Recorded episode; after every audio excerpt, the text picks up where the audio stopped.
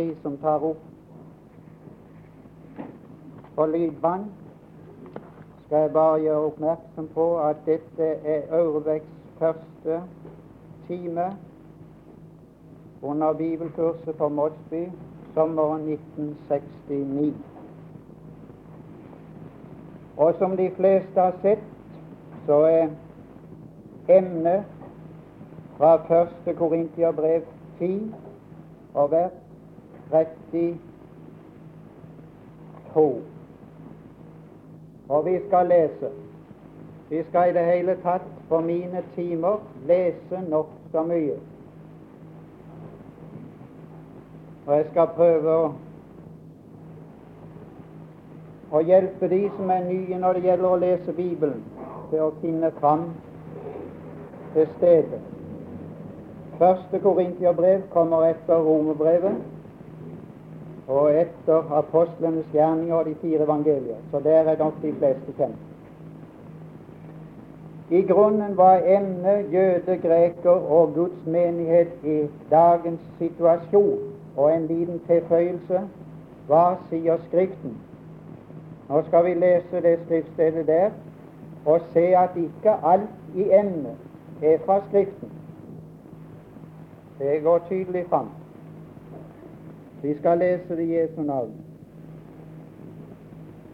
Vær uten anstøt,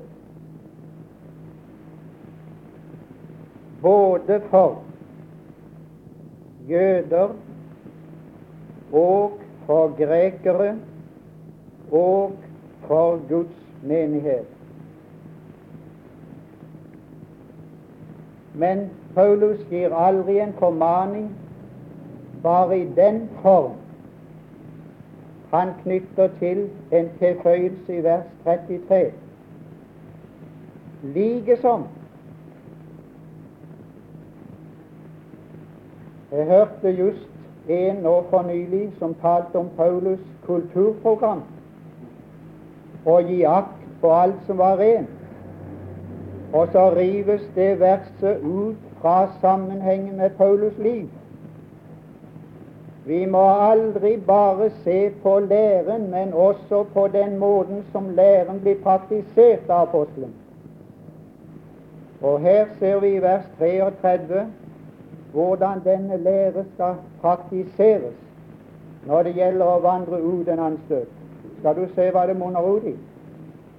Like som også jeg det var ikke bare en formaning til Korint, til troende, men han tok seg sjøl med i det. Like som jeg, også jeg, i all strever etter å tekkes alle, og ikke tenker på mitt eget gang, men på de manges. Og så munner det ut i ett ord. Ta det med deg fra første time. Alt hans liv munner ut i ett ord når det gjelder andre at de må bli frelst. Og den forkynnelse i dag som ikke munner ut i det, er en falsk forkynnelse, enten de taler om jøder eller hedninger. Det kan du stole på. At de må bli frelst. Bli, så en formaning til, bli mine etterfølger. Likesom, bare så langt, bare på den måten, like som jeg etterfølger Kristus.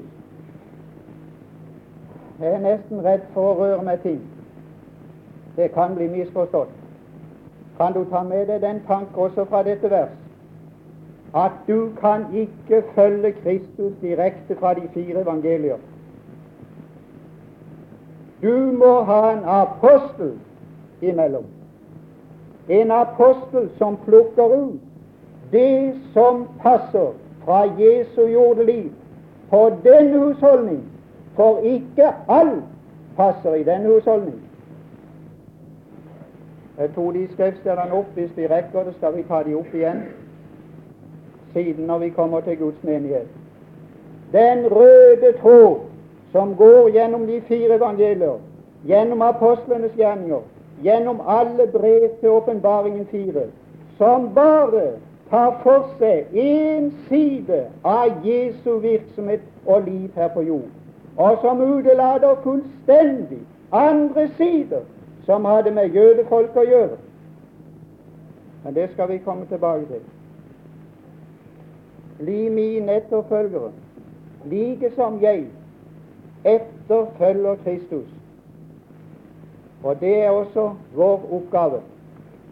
Nå vi skal til en innledning som fører opp til dette vers. Stanse for Lukas 4 fra evangeliet. Og ta noe som passer for oss. Hvis vi skal være kristelige Og nå kommer jeg til å gjøre bruk av det ordet 'kristelige'. Og med det mener jeg lik Kristus. Ikke bare i gjerning, men også hva sindelag angår. Og vi skal lese der Lukas 4 og vers 15. Når jeg nevner kristelig, så mener jeg ikke frelst. Jeg har ingenting med å avgjøre folks frelse eller fortapelse. Det alene står til Gud. Men jeg kan avgjøre om de er kristelige i sin vandring. Det kan jeg avgjøre, for det avgjør Skriften. Og det er det jeg ønsker å føre oss til, at vi blir lik Kristus i vår vandring og i vårt sindelag på de punkter som passer for oss. Skal vi lese der kapittel 4 og vers 15. Og der følger med i Bibelen. Sette strek her og der som ber sammenhengen. Og han lærte Sett strek under det. Ja, ja. Han lærte. Er vi kristelige? Mm. Ja. Er det mye av det i våre dager? Eller er det noe oppe i luften? Han lærte Hva lærte han ifra? Vers 21. Og hva er læreboka hans? Han var allvitende Gud. Han kunne ha talt ut fra sin guddommelige allvitenhet. Han behøvde aldri ha sett i ei bok. Men nei takk. Han begynte som menneske, for Kristus har to naturer. Den ene natur behøvde aldri å vokse. Den ene natur behøvde aldri å lese. Behøvde aldri å gå frem i visdom, for han var allvitende. Og han var fullkommen utviklet. Som Gud kunne han ikke bli noe mer. Men han var også menneske, og alle skriftsteder som taler om Kristus, taler om én eller annen side av hans natur. Og her taler det om den menneskelige side, som også er eksempel for oss som er mennesker. Og da og der var han fullstendig avhengig av Skriften. Det var hans eneste lærebok. Og vi leser det, vi skal komme til det senere, vi kan bare ta det med. Han begynte da med å si, vers 21, i dag er dette Skriftens ord oppfylt for eders øre. Der har du Jesu lærebok. Og la oss passe oss for å sitere for mye. La oss passe oss for å lide på hukommelse. La oss lese det som det står. La oss ta det som det står. Ellers så kan du snart sitere feil. Det har jeg hørt mange ganger har skjedd når vi skal lese videre, vers 15. Han lærte i deres synagoger. Nå, det er ikke vår plass. Det skal jeg komme til når vi kommer til menigheten. Bli, bli min efterfølgere, like som jeg efterfølger Kristus. Fulgte Paulus Kristus til synagogen? Ja, til ei tid Men fra et øyeblikk førte han de ut fra synagogen fordi det var et forlatt system. Og hvis du som menighet skal følge Kristus etter Paulus, da må du følge Han til herligheten og til menigheten. Åpenbaringen 2.1. Han går ikke til synagogen, men han går midt imellom menighetene. Der er Kristus opptatt i dag. Og derfra trekker han ut folk fra synagogen og fra hedningene og omdanner de så de er ikke lenger det de var, men de gjøres til noe ganske nytt. Ikke bare nye mennesker, men til ett nytt menneske med to t-er som består av Kristus og menigheten. Det er hans nåværende arbeid. Følger du han der? Eller er du henne? Mm. Her er mange som er i Jerusalem som nå er, som interesserer seg den veien, og har forlatt det høye kall og følger Han til herligheten og være opptatt med Han som vandrer mellom menighetene. Jeg skal si det er behov for å advare mot å bli til anstøt for jøder og for menigheten. Jeg skal si det er behov. Han kom til Nasaret, hvor han var oppfostret. Jeg må gå forbi alt det her. Du er vel med på hjemstedet? Mm. Du har vel en sedvane på hjemstedet? Ja, du har vel det. Du har vel noe fast i din karakter på hjemstedet? Ja. Eller er du bare interessert der som er noe stort? Å reise milevis for å bli opptatt med masse mennesker? Her var en som hadde noe fast i sin karakter. Når det gjaldt samling om Guds ord, så var det noe de kunne regne med bestandig. Er din far hjemme? spurte de en gutt som satt på trappa. Nei, han er ikke hjemme, sa han. Og er han da hen? Ja, enten er han hos noen syke, sa han, eller ser han til noen gamle. Sedvane. Ja, ja. Sedvane. Han sto for det. Står du for noe? Hm?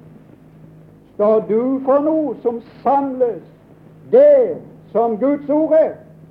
Der menigheten er, er der dine interesser. Ja, og han sto opp. Nå skal du se. Han begynner å bli tjeneste. Og her kan vi gå rett fra Paulus til Kristus og ta opp tjeneste. Han sto opp. Jeg står alene her i dag, tror jeg. Samme stilling det står for tjeneste. Dere sitter, det betyr at dere læres. Jeg er opplært ved Gamaliels fødder. Der sa disiplen. Den som sto oppe, var den som tjente. Han sto opp for Å, var det nå han skulle til meg? Mm. Er du kristelig? Mm. Er du? Ja. Hva er det du driver på med i forsamlinga? Hva? Er det skuespill? Det var ikke mye av det her. Er det opplesning? Det var ikke mye av det her. Arnold sa i gang at Skriften var det eneste de fikk lov å lese opp i en menighet. Skriften det eneste de fikk lov å lese opp. Han sto opp for å lese. Er det? For å lese. Og min, mitt ønske og min hensikt med disse timer er å stå her for å lese. For å lese for oss alle. Nå, for den det er tjeneste for andre, men det er alltid nummer to. Det er alltid nummer én. Du må ikke ha det som nummer én å lese for andre. Jesus hadde aldri det som nummer én. Det, det er utpå dagen, dette her. Det er gått noe av tida. Åssen begynte han da? Esaias 54. Sånn begynte han da. Esaias 50, 4. Det er omtrent midt i Bibelen, hvis du har Det nye og Det gamle testamentet. For dere som er ukjent. Omtrent midt i Bibelen kan du slå. Og se oppe på sida om du har Esaias. Esaias 50.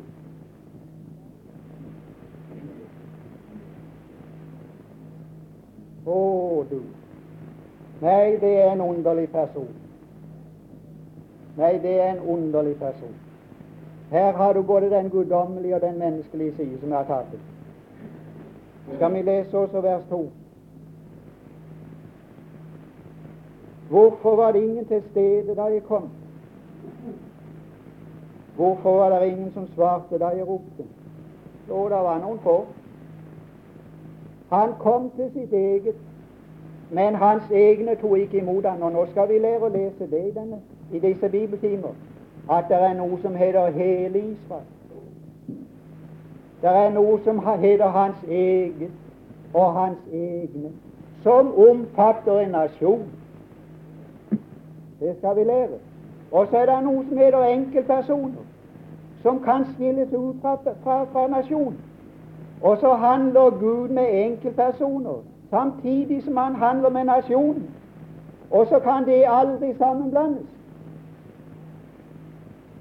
Her står ingen, akkurat som Johannes 1,12.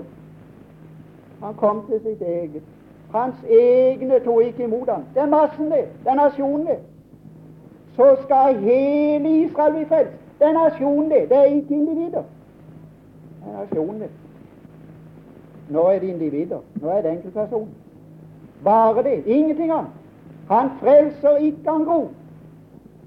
Én for én. Ut av. Ikke alle. All erfaring sier det er sant. Og så vi må gå videre. Se! Nå, taler han om sin person, som de ikke hørte på. Se! Ved min trussel tørker jeg ut havet. Jeg kler himmelen i sort. Det er den guddommelige person som la av det å være guddommelig. Og så, i vers 4, stiger han ned til å bli menneske. Og som menneske inntok han bare én stilling, og det var total avhengighet av Gud. Han hadde ingenting som var original. Alltid sa han som Faderen har sagt.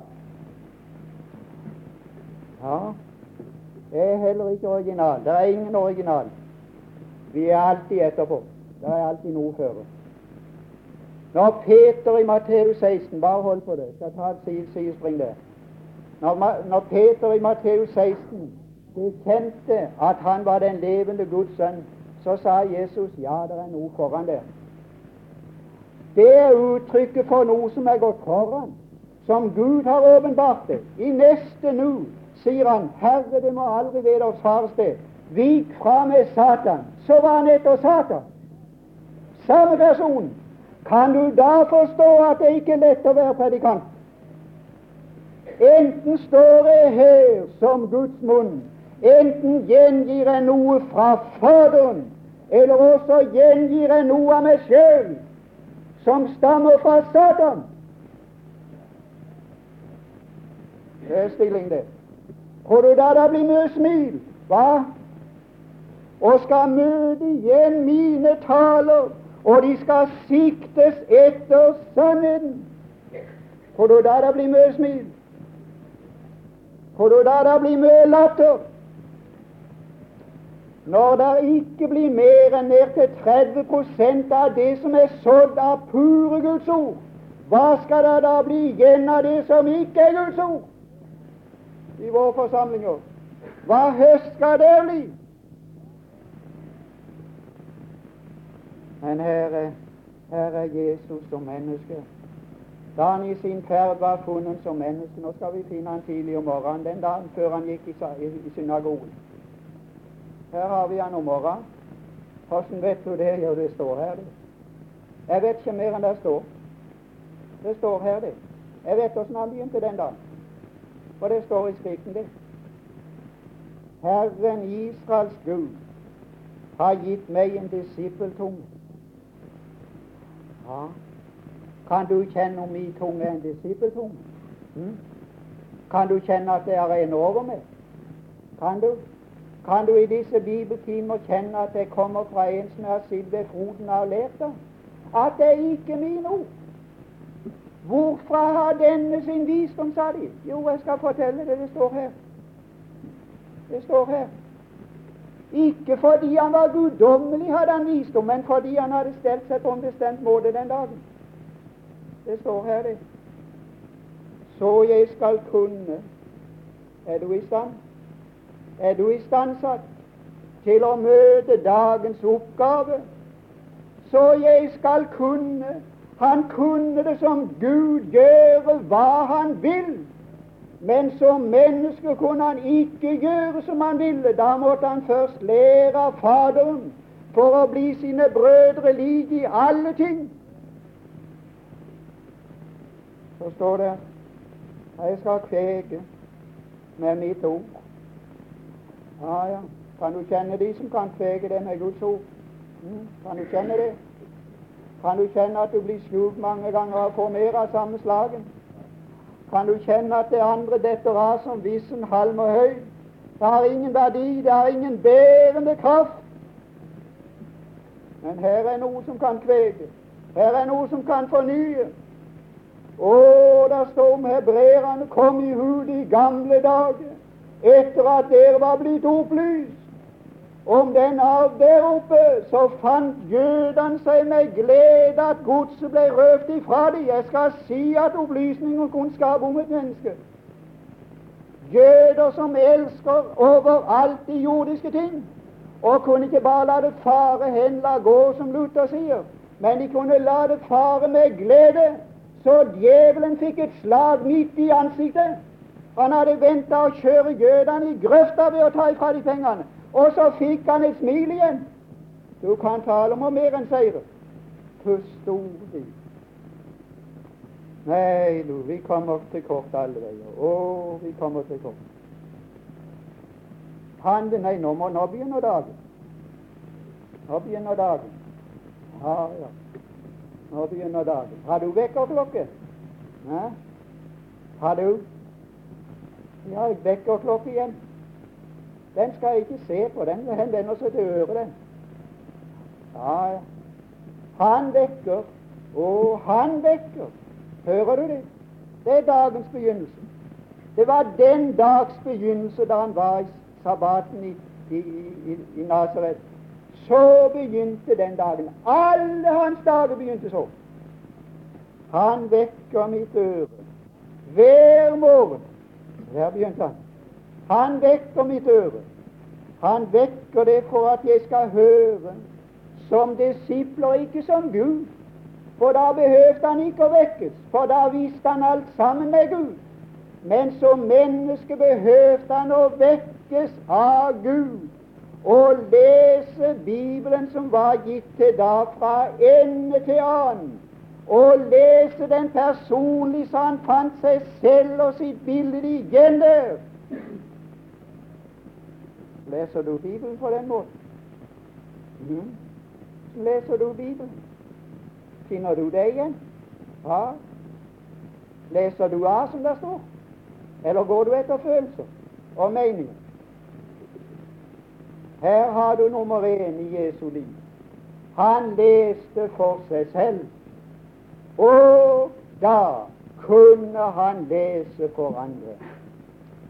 Og jeg ville ønske at noen her Jeg har ikke Bibelen med meg, men jeg tenkte jeg skulle ta de tre siste Biblene med, og så holde de opp her. Så kunne du ha sett og fått et lite svar på hvis jeg har noe å gi så har jeg fått det på den måten. Bare på den måten. Jeg har tre små og tre store som jeg har brukt for at han skal vekke mitt øre. Jeg er skrekkelig seint til å høre det, og sover tungt. Det er gru. Jeg lærer nesten ingenting. Jeg står overfor et hav i Skriften. Jeg kommer til nye sider i Bibelen. Jeg har aldri vært der. Det er ikke et strek. Å, når jeg skal reise fra denne verden, kommer jeg til å reise fra en masse som skulle ha vært mitt. Jeg har nevnt det før, la meg nevne det igjen. Det som Israel fikk med seg av lammet, var det de hadde spist. Hører du det? Det var det de hadde tatt inn. Det som ikke ble spist, ble brent opp med ild og til ingen nytte. Paduin, venn, han leste for dem fordi han hadde lest for seg selv, og fordi han var kjent i Skriften. Vi skal gå tilbake til Lukas 4. Og vi skal komme fram til en ting jeg vil ha inn. Lukas 4, 17. Å, den er i den Bibelen. Nei, vi kommer ingen vei. De ga ham Ja, de hadde mye skriftlig i den tida. Store tid. Ja, jeg tror det vrimler av, bøker og blader omtrent som nå. Her er mye skriftlig. Voldsomt. Ja, ja, her er mye å lese om disse som er til månen nå. Det er voldsomt. Du leser vel ikke alt det der, det? Jeg tror du skal si som en mann i Lyngdal sa, jeg tenkte meg så mye høyere, sa han. Jeg er ikke så interessert i det der. det. Hæ? Jammen. Vi spurte om ikke var interessert i dette her, så sa han jeg tenk meg så mye høyere, sa Kan Kunne ikke være gift å bli kjent der oppe før du kommer. Mm? Tar du ikke gjerne fram et kart når du skal reise, og så ser på kartet hvordan det ser ut der du kommer til, så du kan kjenne det igjen. Kjenner du noe av det? Gjenkjennelsesglede. Du får vel noe av det når du kommer til himmelen. Du har vært der oppe før og blitt kjent. Du var en fremmed på jorden, men du var kjent der oppe. Å, når du kom der, vil det bare bli overraskelser. Mm? Blir han så stor, og her nede var han så liten at han kunne ikke fylle noe i ditt liv? Eller var han så stor her at han fylte alt, så du ønska deg ikke noe mer? De ga ham profeten Esaias bok. Ja, her har det vært noe å ta fatt i, du. De, de gir de profeten Esaias bok nå òg, men det er voldsomt som de behandler den. Er de kristelige? Og langt ifra. Nei, nei, langt ifra. Nå skal du se. Og det å være kristelig, det står her, det. Kristusliv. Lik Kristus. De ga ham profeten Esaias bok. Ikke profetenes Esaias. Nei. En, en profet hen. En. Ikke disipler. Det er voldsomt. Det, det blir flere og flere av dem. Før var det bare to.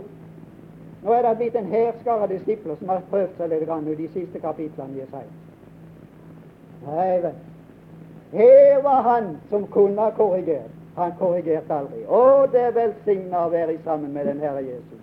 Og se at hver gang han nevner Skriften, er det i full tillit. Skriften kan ikke gjøres ugyldig. Så de som nærmer seg Skriften på en annen måte, er iallfall ikke kristelige. Det kan jeg garantere. De har aldri lært av han å, å behandle Skriften på den måten. Jeg tenker han tok den i sine armer med, eller hender med glede. Så fant han det sted. Han slo ikke opp på måfå sånn og sette fingeren på. Nei, nei. Jeg har noe her bak som passer, han. Jeg får, får, får, får bla til jeg kommer der til.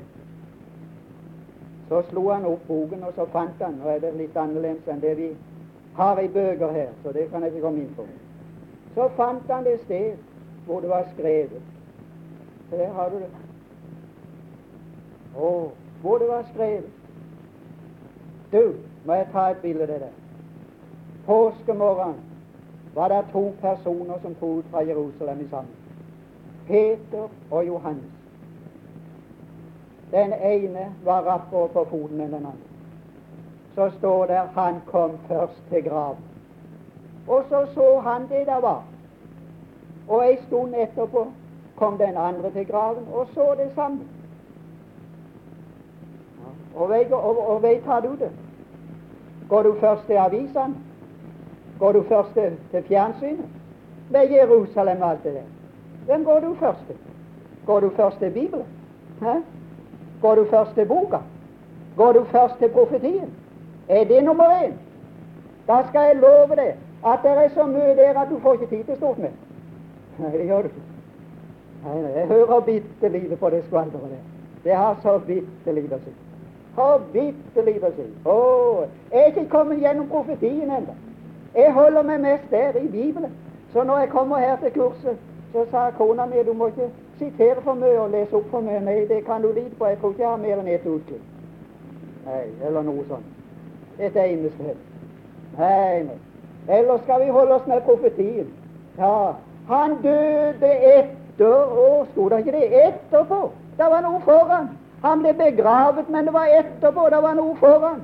Han sto opp igjen, men det var noe foran som var sagt forut, og som stemte med det som skjedde. Og når de ikke hadde lys over profetien, hadde de heller ikke lys over det som skjedde. Kan du ta det med? Det er mange som bare beveger seg i hendelser i tiden. Uten profetien hadde de heller ikke lys over det som skjedde. Kan du ta det med? Det er mange som bare beveger seg i hendelser i tiden uten å ha Skriftens grunnlag for å se hva som hender. Og så er det en lærer i tusentall. Alle slags lærer som du aldri skulle ha sett magen til. Som dukker opp som paddehatter nå. Som aldri finnes i Skriften, aldri finnes i apostelens lære. Vi er aldri befalt å handle på den måten. Herrens befalinger gjennom apostlene står gjennom all tid for menigheten. Og bare det skal vi følge, og ingenting annet. Vi skal komme til det siden. Det som var skrevet. Det som var skrevet. Ja, ja. Pass deg for å ta for mye av det som skjer. Det er ikke oppfyllelse. Det er bare beredelse. Det skal vi komme til. Vi skal tale om jødene. Det er bitte lite som er oppfyllelse. Det er beredelse til oppfyllelse.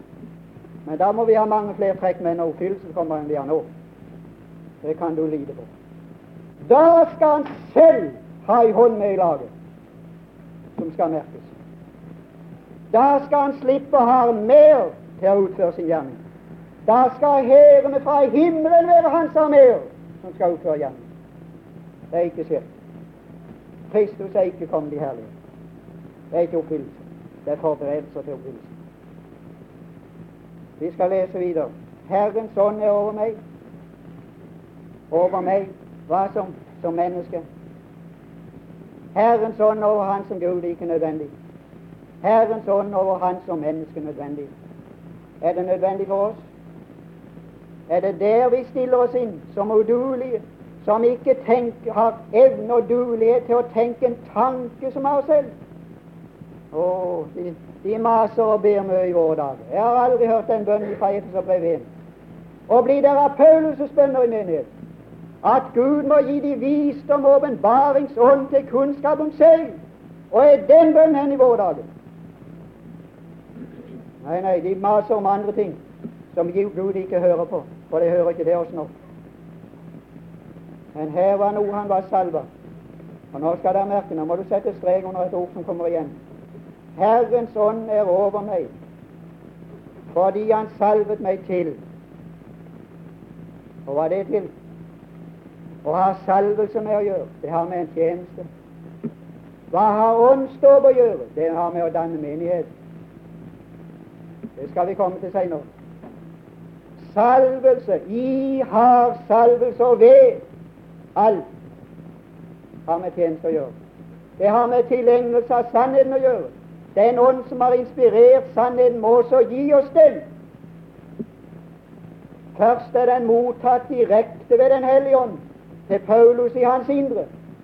Så har Den hellige ånd til og med valgt ordene som din tanker skal kles i. Så har du inspirasjon. Først har du åpenbarelse, så har du inspirasjon, og så har du opplysning om det som er inspirert. For vi kan ikke ta det av oss selv. Den hellige ånd må selv forklare det ord han har åpenbart og han har inspirert. Og det er det Paulus mener. Det er der vi må stille oss inn. Hva var nå Jesu gjerning? Se, her kan vi ta det opp. Hva var nå Jesu gjerning? Nå må du se etter. Og det kan vi ta opp. Her kan vi følge. Hva er det? Til Hør nå. Forkynne. Hører du det? Forkynne. To ganger står det i samme vers. evangeliet for fattige. Var det noen sånn i den synagogen? Nei, jeg fant ingen. Hvordan kan du vite det? De sa nei takk. Rett etterpå. Hele massen. Nei takk, sa de. Det passer seg ikke for oss. Ut med det av synagogen. Vekk fra byen. Jeg har ingen bruk for det. Ser du alt i dette glimt, alt i kapittel fire, har du hva vil skje med Israel? Der vil noen enkelte få ta imot det budskap, for det var ikke noe med makt, men nå var det med forkynnelse. Og med samme det forkynnelse legger Gud ansvar på den som hører det, hvordan han vil stille seg. Men når han annen gang skal komme salvet som konge, skal han ikke forkynne, men vise sin makt og sin maktsengler. Da skal han slippe å mase og be og trygle. Da skal det skje ved makt, det som i dag skjer ved forkynnelse. Og derfor er det så lite resultater, for det skjer ved forkynnelse i våre dager. Og bare det. Det kan du stole på. Vi skal komme til det senere i menigheten. Han har utsendt meg til å forkynne, å forkynne. Forkynnelsen henvender seg til øret, og øret til hjertet og troen. Den som tror, blir velsignet med den troende Abraham. Vi kan velsignes. Da skal slekten velsignes. Nå er det mulighet, og du må selv avgjøre om du gjør bruk av den muligheten. For å sette undertrykt i frihet, og så vers 19, for å forkynne et velbehagelig år. Og hvem er det som bestemmer året?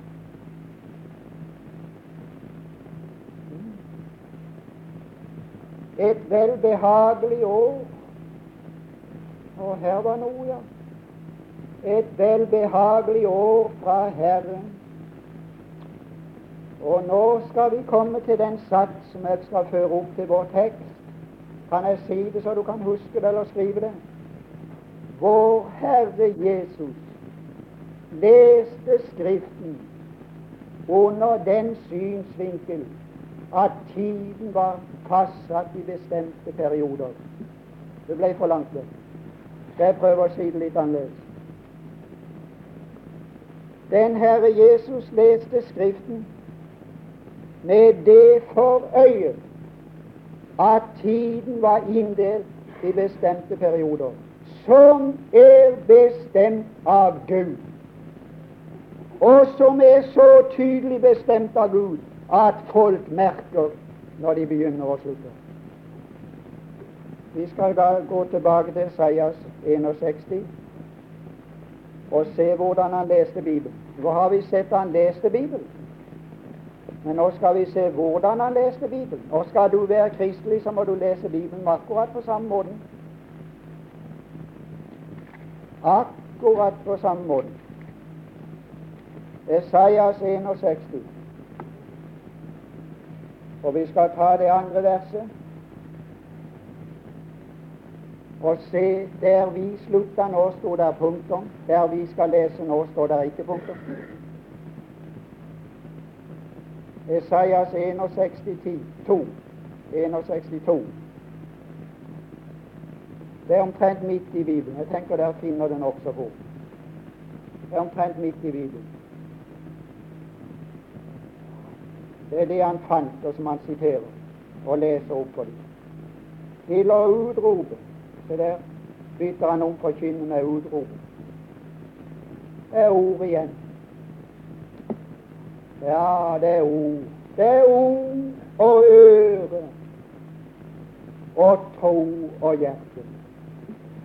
En religion av tro har bare bruk for et øre. Ingenting annet.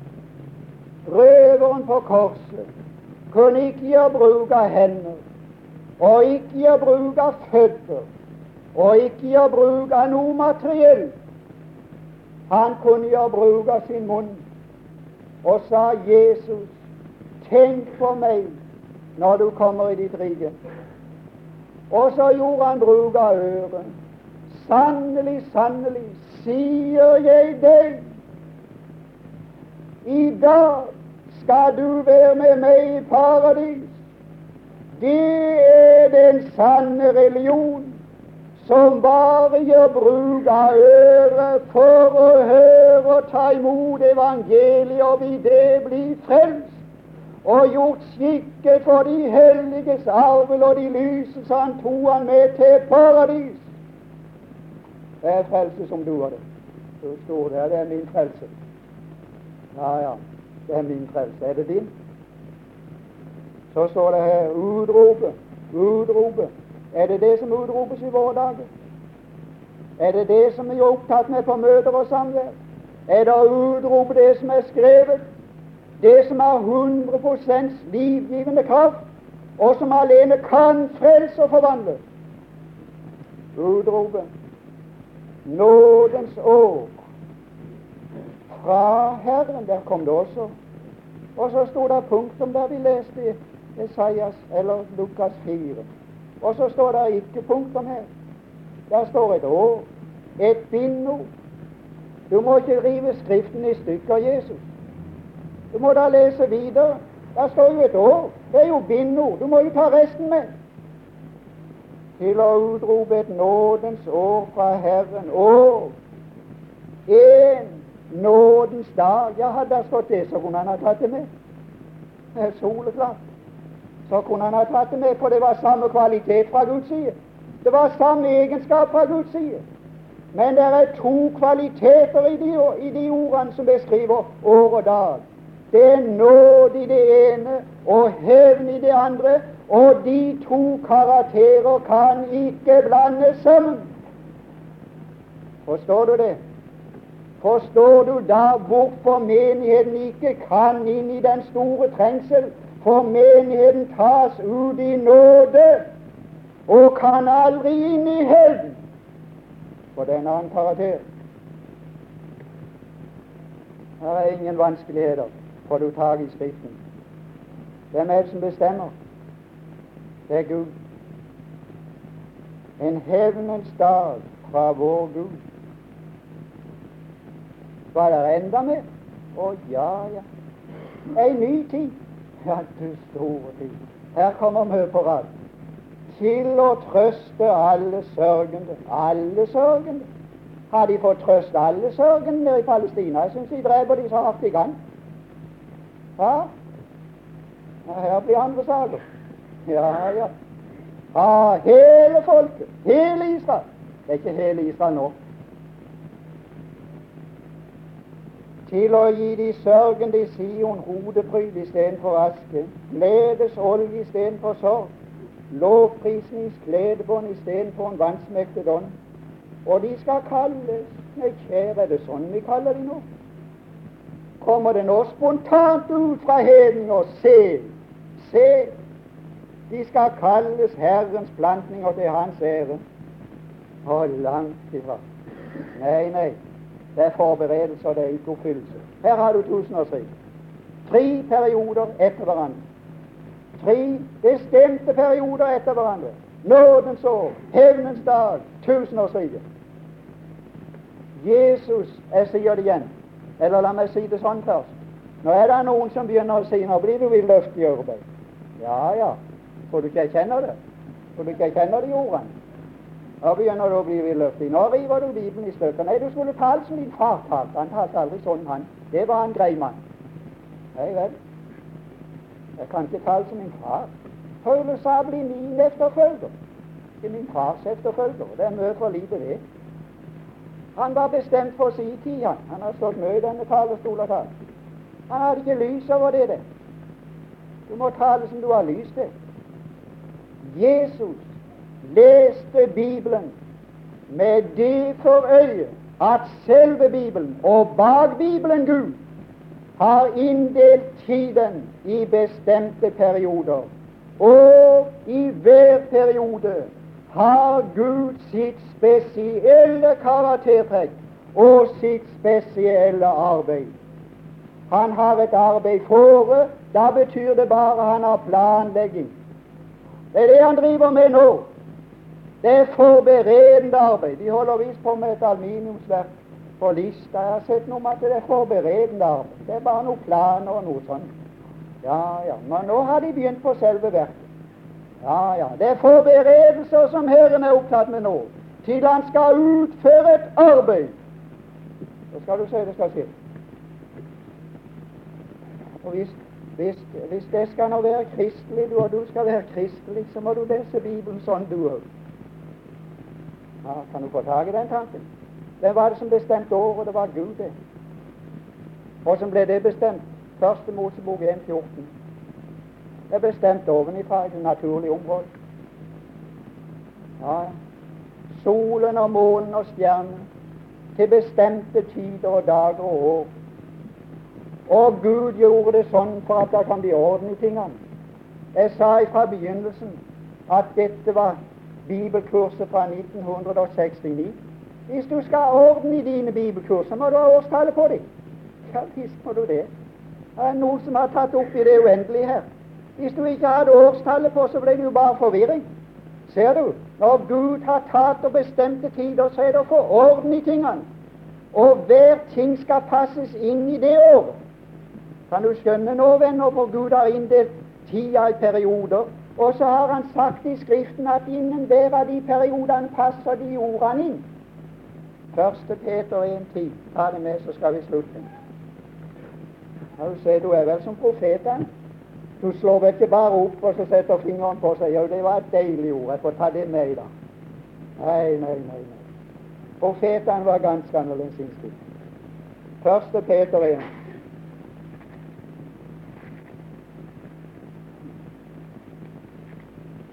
Vers 10. 1. Peter 1,10. Om denne frelse Ja, det er langt bak i Bibelen. Det finner dere. Det er for før Johannes' brev. Etter Jakobs og hebreerbrevet. Og der er det vel nokså godt kjent. Om denne frelse Ja, denne frelse. Denne bestemte frelse var det profetene gransket. Se det, du. Du har vel profetånden nå i det? Mm. Eller har du av dette som gransker så voldsomt i bøker? og som gransker så voldsomt i fjernsyn og i radio. Å, du! Der, der er folk som har, har kommet springende til meg på veien. De er så full av det som hender, at de kan ikke vente til de kommer hen. De har aldri satt sin fot på et møte. Nei, nei, nei, nei. Full av noe som er oppe i tida. Nei, nei. Profetene var bare full av det som var opptatt i, i, i disse indre, det som Gud hadde betrodd dem. Skal du se, de gransket og ransaket. De spådde om den nåde. Her er å spå, profetere, i karakter av utsi fremtidige ting. Så har du, du, du profeti i, i, menigheten, som består i formaning, oppbyggelse og trøst. Er en ganske annen karakter. Men her har de spådd, forutsatt ting som skulle hende, historien. Nå må du se i vers 11. I det de ransaket Å, der må du sette strek under. Hør nå. Hvilken eller hva slags tid? Det er det. De kjente til at Gud hadde inndelt tida i perioder. Så fikk de et budskap, og så sa de ja, men kjære, og for en periode passer nå det? Hvilken? Hvilken tid? Og hva slags tid? var karakteren av tida? Hørte du karakteren av tida? Nådens år. Hørte du karakteren av en ny tid? Hevnens dag. Hørte du det? Det var det de studerte på. Som Kristi ånd som var i den viste framtid, når han forutvidnet om Kristi lidelse og herligheten deretter. Vi må la det være det. Dette leder opp til 1. Korin 10, 32, der ikke bare tida er inndelt i bestemte perioder, men slekten er inndelt i bestemte grupper. Det stemmer med alt Guds ord. Slik er Guds ord.